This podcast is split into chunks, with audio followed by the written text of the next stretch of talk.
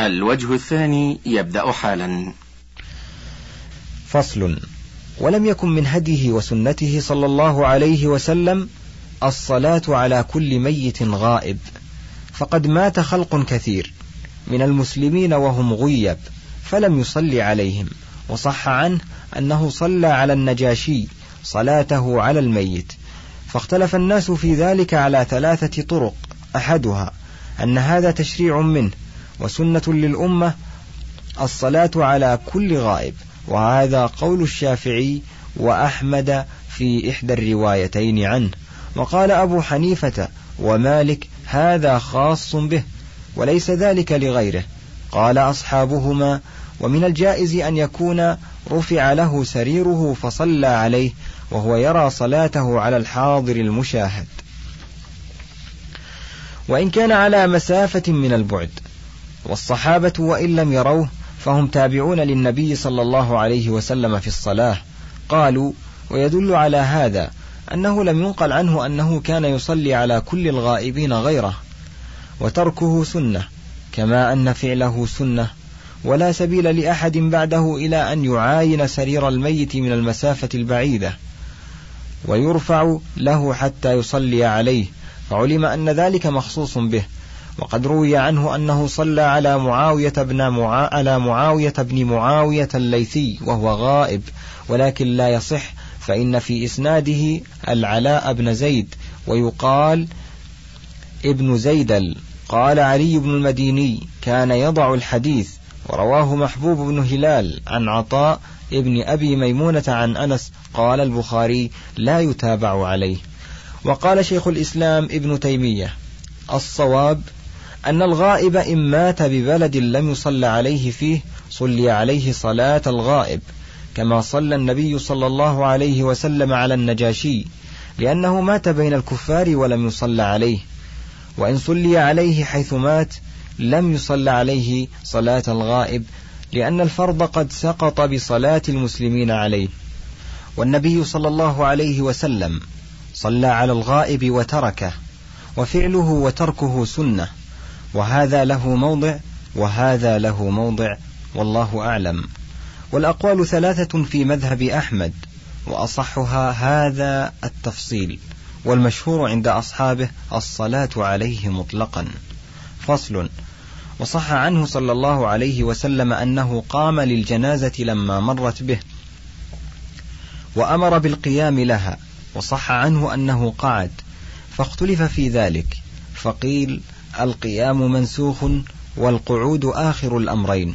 وقيل بل الأمران جائزان وفعله بيان للاستحباب وتركه بيان للجواز وهذا أولى من ادعاء النسخ. فصل.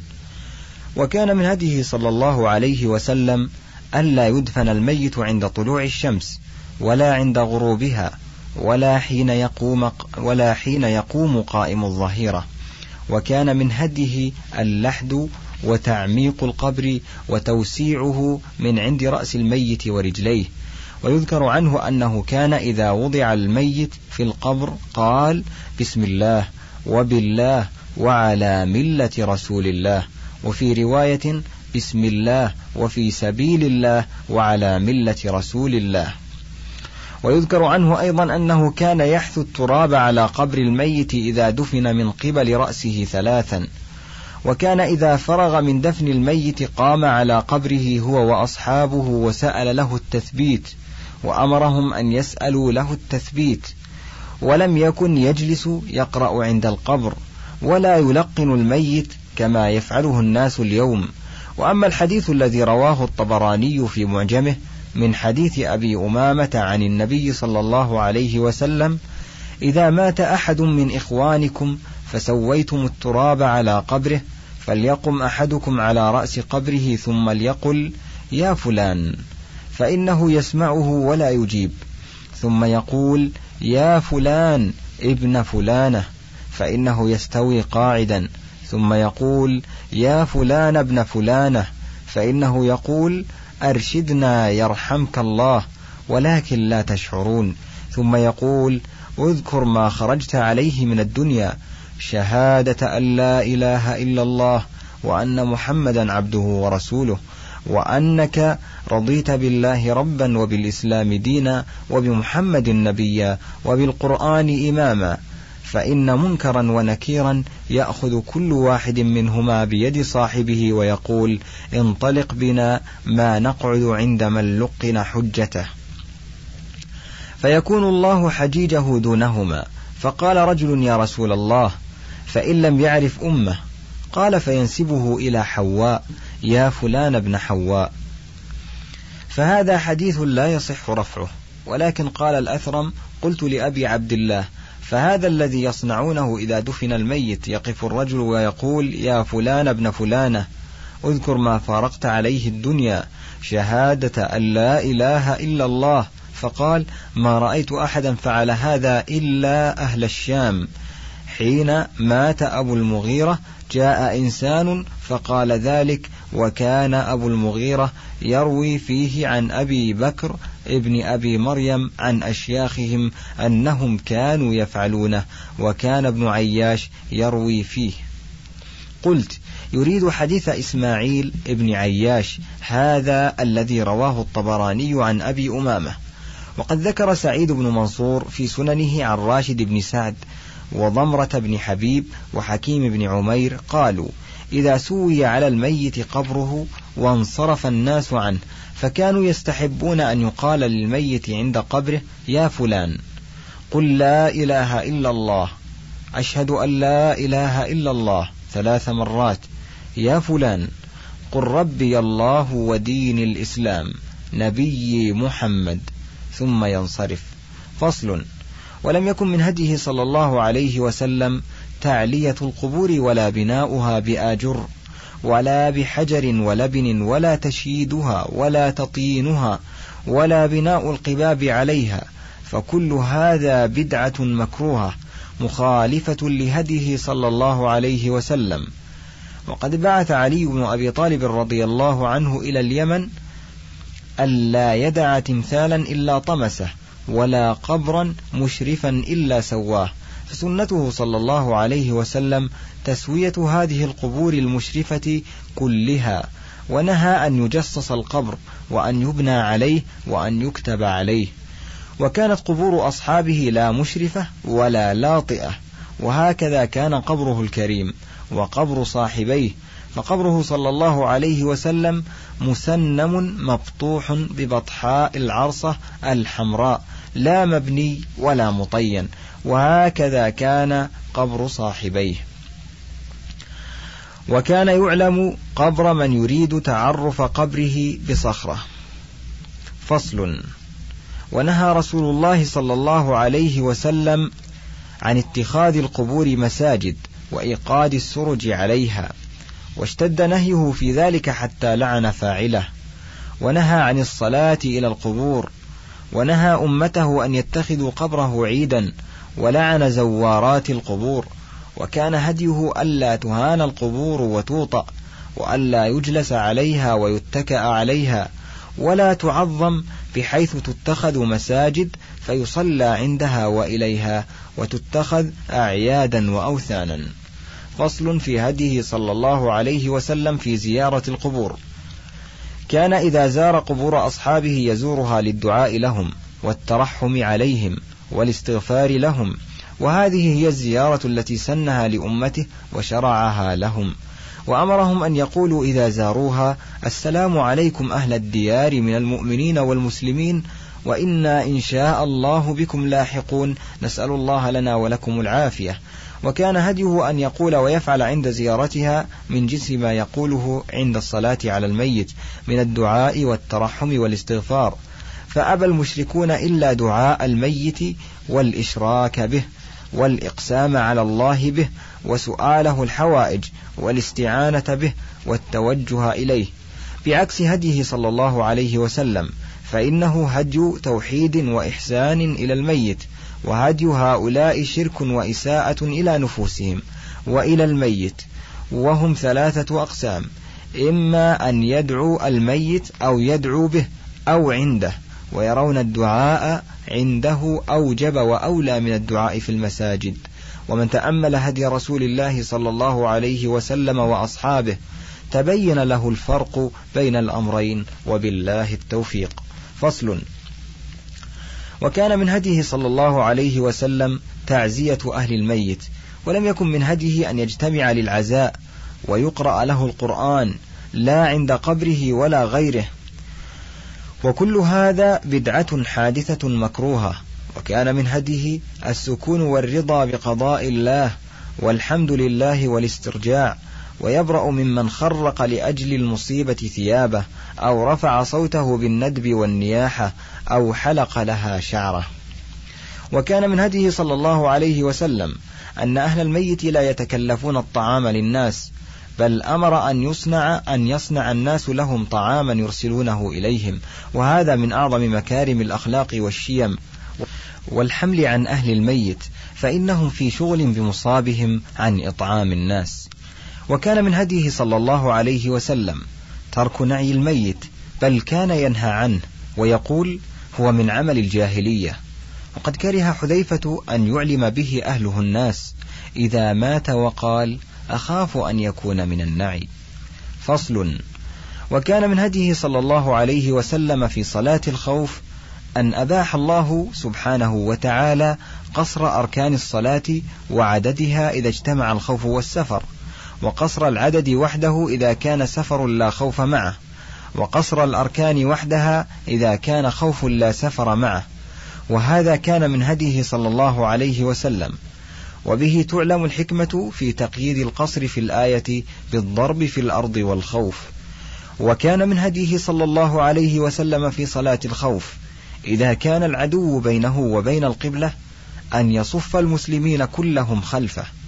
ويكبر ويكبرون جميعا ثم يركع فيركعون جميعا ثم يرفع ويرفعون جميعا معه ثم ينحدر بالسجود والصف الذي يليه خاصة ويقوم الصف المؤخر مواجه العدو. فإذا فرغ من الركعة الأولى ونهض إلى الثانية سجد الصف المؤخر بعد قيامه سجدتين ثم قاموا فتقدموا إلى مكان الصف الأول. وتأخر الصف الأول مكانهم لتحصل فضيلة الصف الأول للطائفتين وليدرك الصف الثاني مع النبي صلى الله عليه وسلم السجدتين في الركعة الثانية كما أدرك الأول معه السجدتين في الأولى. فتستوي الطائفتان فيما أدركوا معه وفيما قضوا لأنفسهم وذلك غاية العدل. فإذا ركع صنع الطائفتان كما صنعوا أول مرة فإذا جلس للتشهد سجد الصف المؤخر سجدتين ولحقوه في التشهد فيسلم بهم جميعا. وإن كان العدو في غير جهة القبلة فإنه كان تارة يجعلهم فرقتين فرقة بإزاء العدو وفرقة تصلي معه فتصلي معه إحدى الفرقتين ركعة ثم تنصرف في صلاتها إلى مكان الفرقة الأخرى وتجيء الأخرى إلى مكان هذه فتصلي معه الركعة الثانية ثم تسلم. وتقضي كل طائفة ركعة ركعة بعد سلام الإمام. وتارة كان يصلي بإحدى الطائفتين ركعة ثم يقوم إلى الثانية. وتقضي هي ركعة وهو واقف وتسلم قبل ركوعه وتأتي الطائفة الأخرى فتصلي معه الركعة الثانية. فإذا جلس في التشهد قامت فقضت ركعة وهو ينتظرها في التشهد فإذا تشهدت يسلم بهم. وتارة كان يصلي بإحدى الطائفتين ركعتين فتسلم قبله وتأتي الطائفة الأخرى فيصلي بهم الركعتين الأخيرتين ويسلم بهم فتكون له أربعا ولهم ركعتين ركعتين. وتارة كان يصلي بإحدى الطائفتين ركعتين ويسلم بهم وتأتي الأخرى فيصلي بهم ركعتين ويسلم فيكون قد صلى بهم بكل طائفة صلاة. وتارة كان يصلي بإحدى الطائفتين ركعة فتذهب ولا تقضي شيئا. وتجيء الأخرى فيصلي بهم ركعة ولا تقضي شيئا. فيكون له ركعتان ولهم ركعة ركعة. وهذه الأوجه كلها تجوز الصلاة بها. قال الإمام أحمد كل حديث يروى في أبواب صلاة الخوف فالعمل به جائز. وقال ستة أوجه أو سبعة تروى فيها كلها جائزة. وقال الأثرم قلت لأبي عبد الله تقول بالأحاديث كلها كل حديث في موضعه أو تختار واحدا منها؟ قال أنا أقول من ذهب إليها كلها فحسن. وظاهر هذا أنه جوز أن تصلي كل طائفة معه ركعة ركعة ولا تقضي شيئا. وهذا مذهب ابن عباس وجابر بن عبد الله وطاووس ومجاهد والحسن وقتادة والحكم وإسحاق بن راهوية. قال صاحب المغني وعموم كلام أحمد يقتضي جواز ذلك وأصحابنا ينكرونه. وقد روي عنه صلى الله عليه وسلم في صلاة الخوف صفات أخر. ترجع كلها إلى هذه وهذه أصولها. وربما اختلف بعض ألفاظها وقد ذكرها بعضهم عشر صفات. وذكرها أبو محمد ابن حزم نحو خمس عشرة صفة. والصحيح ما ذكرناه أولا وهؤلاء كلما رأوا اختلاف الرواة في قصة جعلوا ذلك وجوها من فعل النبي صلى الله عليه وسلم وإنما هو من اختلاف الرواة. والله أعلم. بعونه تعالى وتوفيقه تم الجزء الأول من زاد المعاد في هدي خير العباد ويليه الجزء الثاني وأوله فصل في هديه صلى الله عليه وسلم في الصدقة والزكاة. فصل في هديه صلى الله عليه وسلم في الصدقة والزكاة. هديه في الزكاة أكمل هدي في وقتها وقدرها ونصابها. ومن تجب عليه ومصرفها. وقد راعى فيها مصلحة أرباب الأموال ومصلحة المساكين وجعلها الله سبحانه وتعالى طهرة للمال ولصاحبه. وقيد النعمة بها على الأغنياء فما زالت النعمة بالمال على من أدى زكاته. بل, يحفظ بل يحفظه عليه وينميه له ويدفع عنه بها الآفات ويجعله سورا عليه وحصنا له وحارسا له. ثم إنه جعلها في أربعة أصناف من المال وهي أكثر الأموال دورانا بين الخلق وحاجتهم إليها ضرورية أحدها الزرع والثمار الثاني بهيمة الأنعام الإبل والبقر والغنم الثالث الجوهران اللذان بهما قوام العالم. وهما الذهب والفضة. الرابع أموال التجارة على اختلاف أنواعها. ثم إنه أوجبها مرة كل عام وجعل حول الزروع والثمار عند كمالها واستوائها. وهذا أعدل ما يكون إذ وجوبها كل شهر أو كل جمعة يضر بأرباب الأموال ووجوبها في العمر مرة مما يضر بالمساكين. فلم يكن أعدل من وجوبها كل عام مرة. ثم إنه فاوت بين مقادير الواجب بحسب سعي أرباب الأموال في تحصيلها وسهولة ذلك ومشقته. فأوجب الخمس فيما صادفه الإنسان مجموعا محصلا من الأموال وهو الركاز ولم يعتبر له حولا بل أوجب فيه الخمس متى ظفر به. وأوجب نصفه وهو العشر فيما كانت مشقة تحصيله وتعبه وكلفته فوق ذلك.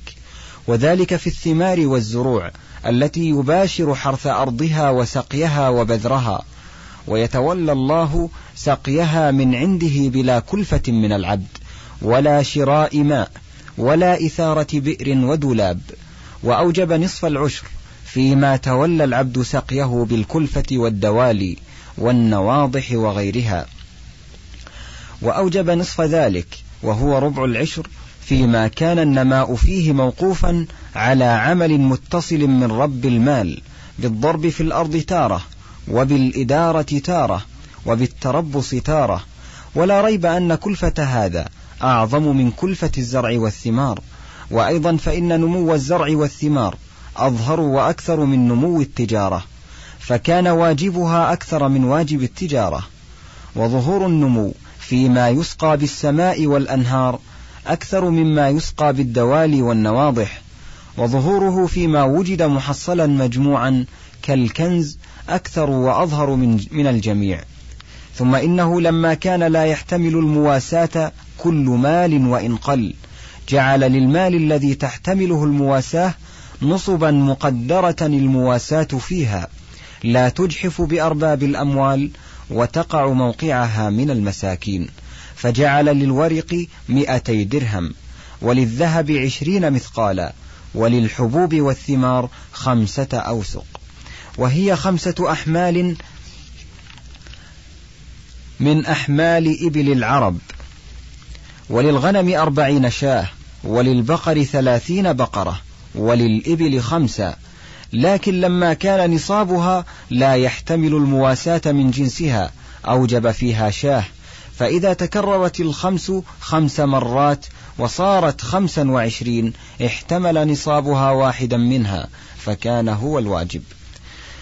ثم إنه لما قدر سن هذا الواجب في الزيادة والنقصان بحسب كثرة الإبل وقلتها من ابن مخاض وبنت مخاض. وفوقه ابن لبون وبنت لبون وفوقه الحق والحقة وفوقه الجذع والجذعة وكلما كثرت الإبل زاد السن إلى أن يصل السن إلى منتهاه. فحينئذ جعل زيادة عدد الواجب في مقابلة زيادة عدد المال. فاقتضت حكمته أن جعل في الأموال قدرا يحتمل المواساة. ولا يجحف, ولا يجحف بها ويكفي المساكين ولا يحتاجون معه إلى شيء. ففرض في أموال الأغنياء ما يكفي الفقراء فوقع الظلم من الطائفتين.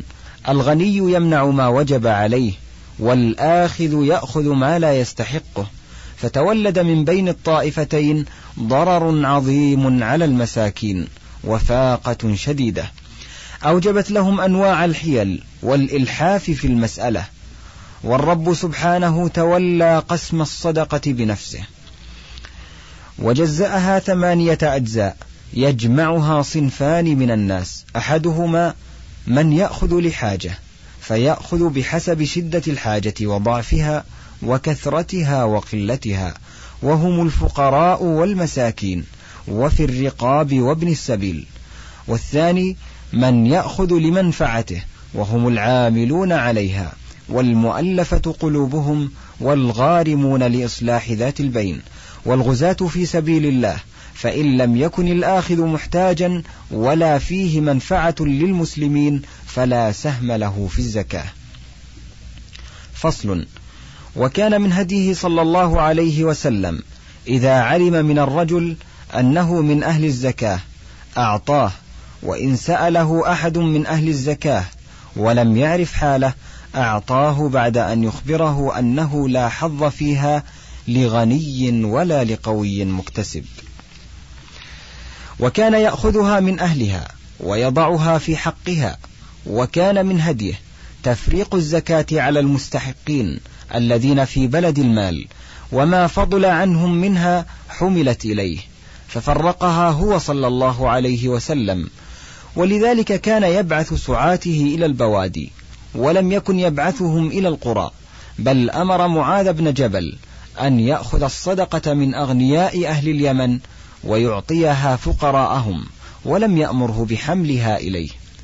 ولم يكن من هديه أن يبعث سعاته إلا إلى أهل الأموال الظاهرة من المواشي والزروع والثمار. وكان يبعث الخارص فيخرص على أرباب النخيل تمر نخيلهم وينظر كم يجيء منه وسقا فيحسب عليهم من الزكاة بقدره. وكان يأمر الخارص أن يضع لهم الثلث أو الربع فلا يخرصه عليهم لما يعر النخيل من النوائب. وكان هذا الخرص لكي تحصى الزكاة قبل أن تؤكل الثمار وتصرم. وليتصرف فيها أربابها بما شاءوا ويضمنوا قدر الزكاة. ولذلك كان يبعث الخارص إلى من ساقاه من أهل خيبر وزارعه فيخرص عليهم الثمار والزروع ويضمنهم شطرها. وكان يبعث إليهم عبد الله بن رواحة فأرادوا أن يرشوه فقال عبد الله تطعمون السحت؟ والله لقد جئتكم من عند أحب الناس إلي ولأنتم أبغض إلي من عدتكم من القردة والخنازير ولا يحملني بغضي لكم وحبي إياه ألا أعدل عليكم. فقالوا بهذا قامت السماوات والأرض ولم يكن من هديه أخذ الزكاة من الخيل والرقيق ولا البغال ولا الحمير ولا الخضراوات ولا المباطخ والمقاتي والم والفواكه التي لا تكال ولا تدخر إلا العنب والرطب. فإنه كان يأخذ الزكاة منه جملة ولم يفرق بين ما يبس منه وما لم ييبس. انتهى الشريط الخامس عشر من كتاب زاد المعاد وله بقية على الشريط السادس عشر.